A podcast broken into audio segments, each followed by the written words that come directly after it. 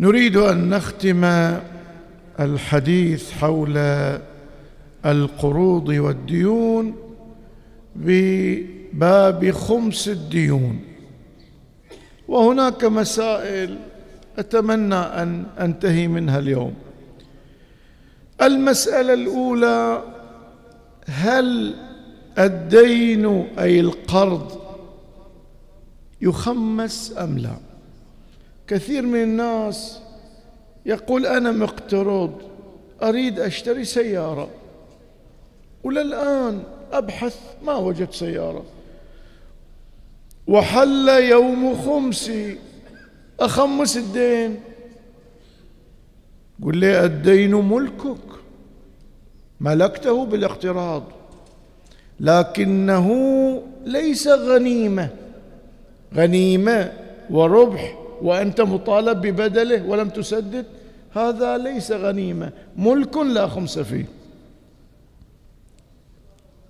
مطلقا ما دام قرضا ولم يسدد منه شيء لا خمس فيه.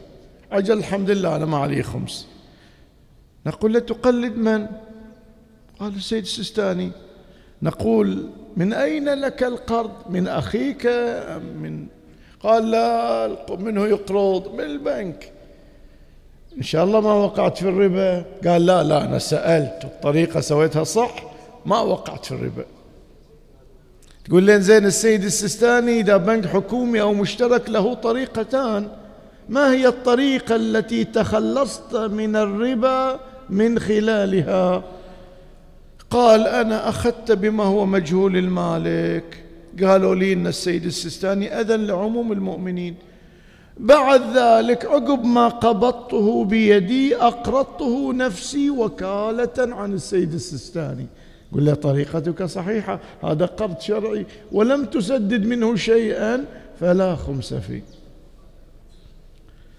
واحد ثاني يقول أنا لا أنا صراحة كنت خايف من مسألة القروض أم بروح الحج مستطيع مو مستطيع فأخذت القرض بالطريقة الثانية وهي أخذته لأنه من بنك حكومي أو مشترك أخذته بما هو مجهول المالك بإذن السيد السيستاني العام لعموم المؤمنين.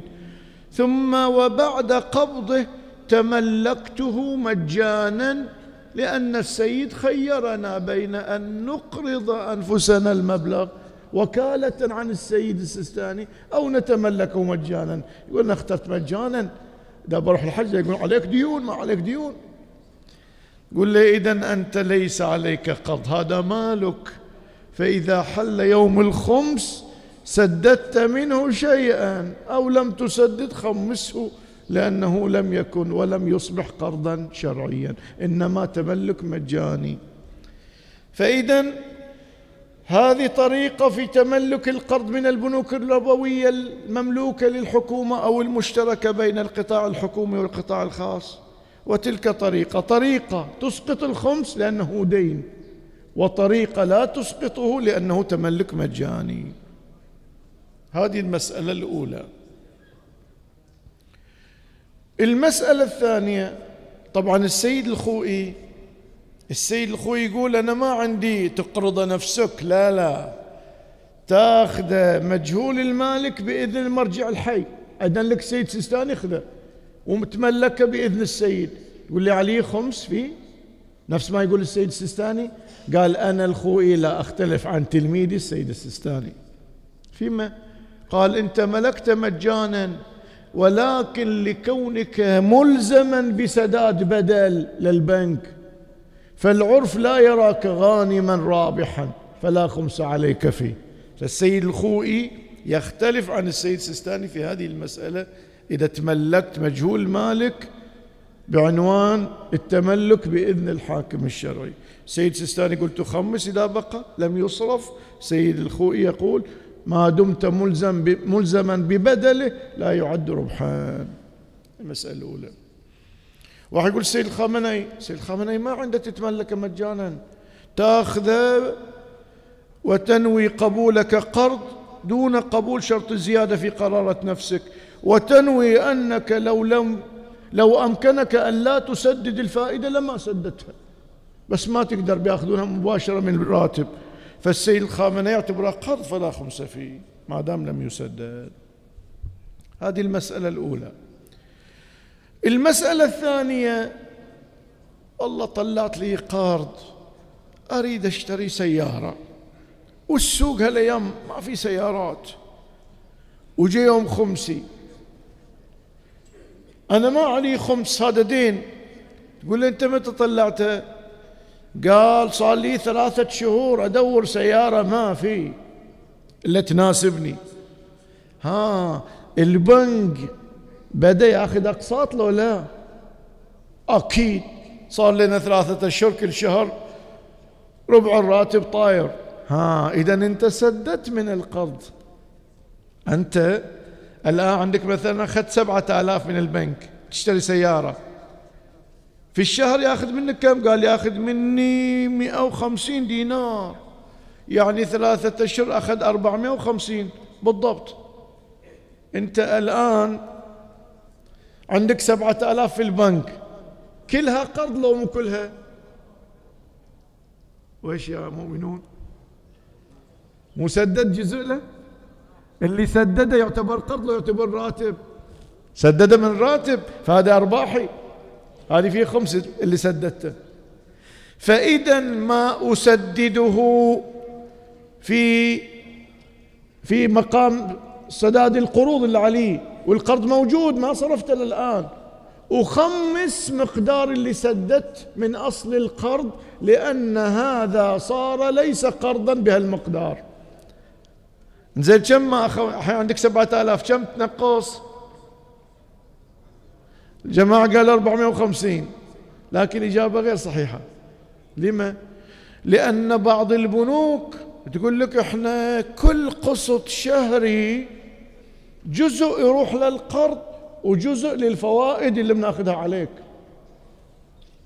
فأنا مثلا دفعت 150 في القسط 30 رايحة فوائد 120 رايحة للقرض فصار أنا دفعت 360 للقرض والباقي رايح خاسرنها خاسرنها بعد أخمسها.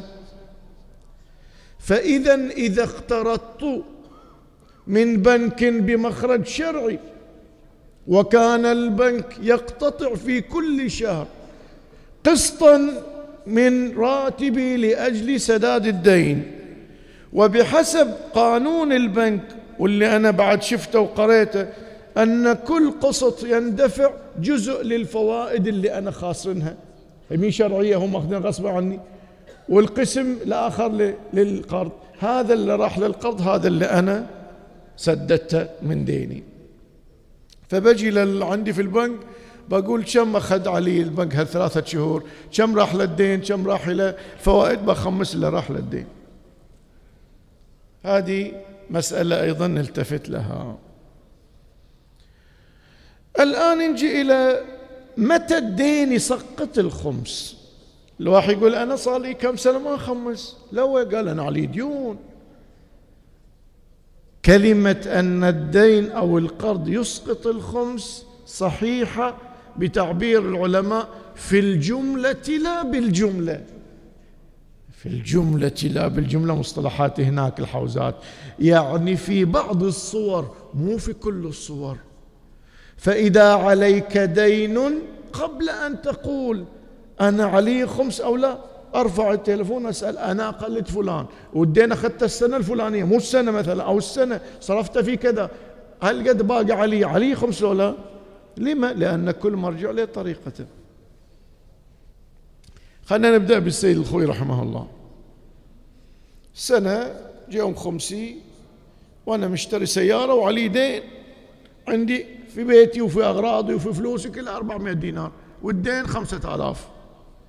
أقول له سيد الخوي وش رأيك سيدنا نخمس له ولا يقول دين مؤونة نفس السنة يسقط الخمس. تقول الحمد لله. يقول لحظة لحظة لحظة.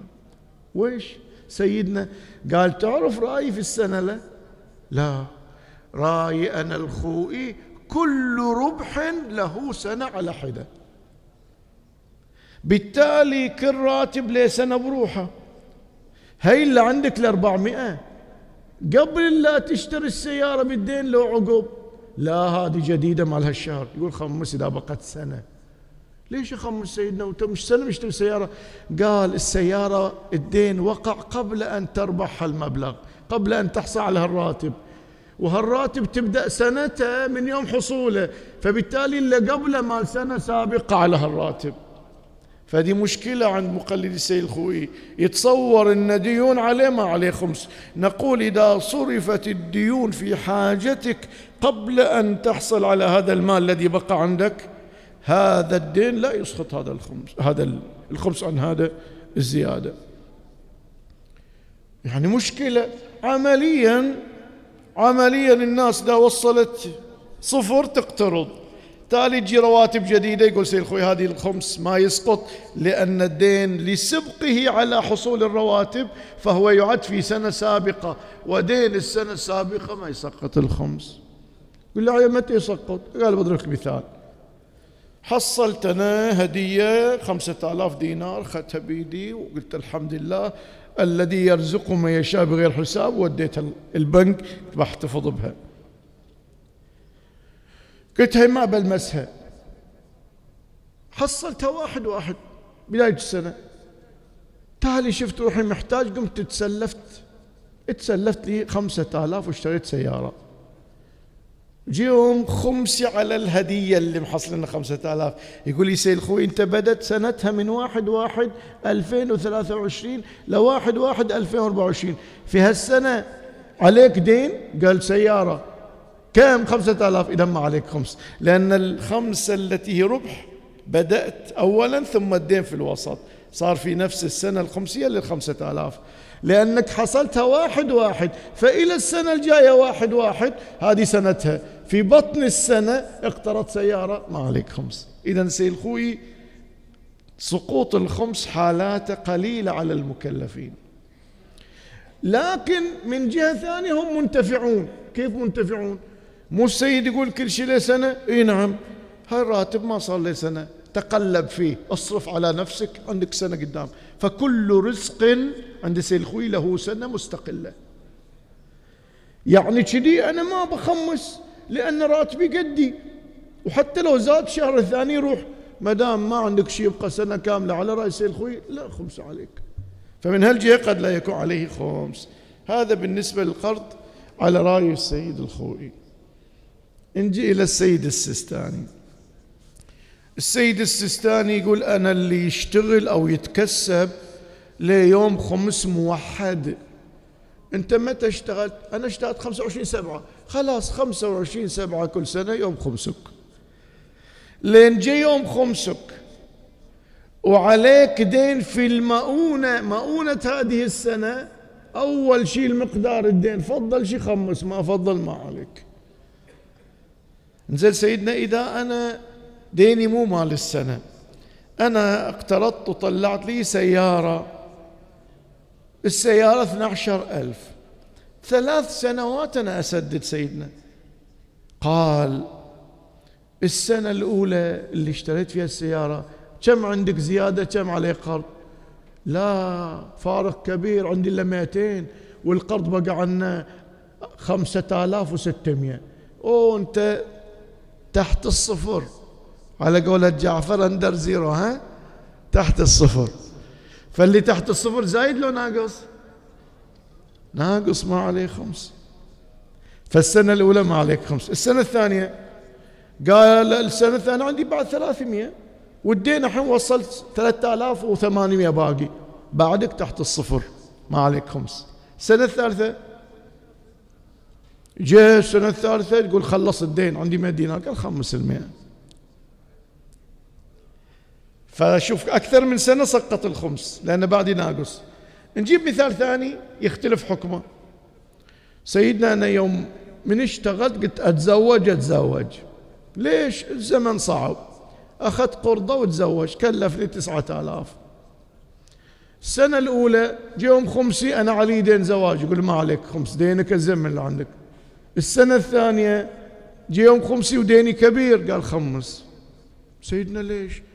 قال لأن السيارة كانت مؤونة للآن. للآن أنت تستفيد من السيارة. فالسيارة مؤونة السنة الأولى والسنة الثانية والسنة الثالثة. بعدك محتاجة وتروح وجي فيها. فما دام الدين في مؤونة فعلية وأكثر من زيادة لا خمس علي. لهذا اللي اشتروا بيوت اشترى بيت يقول لك أنا سنين ما بخمس إجازة مفتوحة عن الخمس لأن الدين مئة ألف كل سنة أجي الشهد عندي بعدي وين والدين وين؟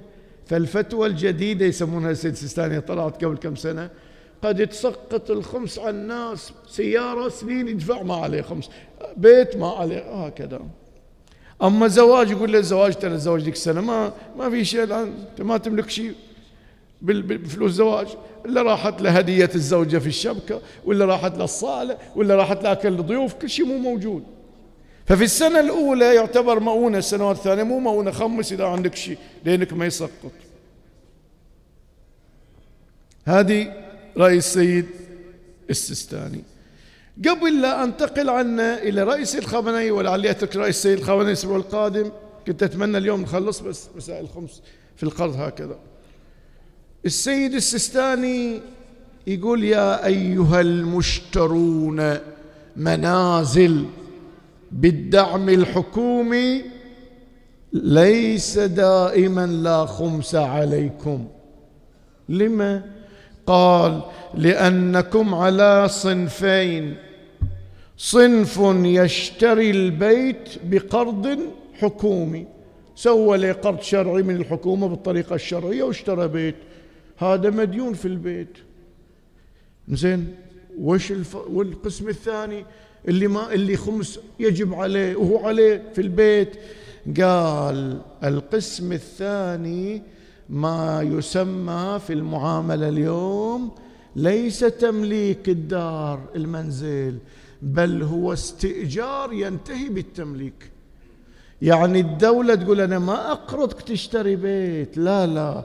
إحنا نشتري البيت ونعتبرك مستأجر تسدد 25 سنة. عقب ال 25 سنة نملك البيت لأنك استأجرت عندنا 25 سنة. فأنت كل شهر ما تدفع ثمن في الشراء تدفع أجار سكناك. أنت ما عليك دين في شراء بيت. فإذا كان المنتفع من الخدمة الإسكانية ما يملك شيء في البيت كله استئجار ينتهي بالتمليك فهو ليس مديونا في مؤونة السكن حتى يسقط عنه الخمس.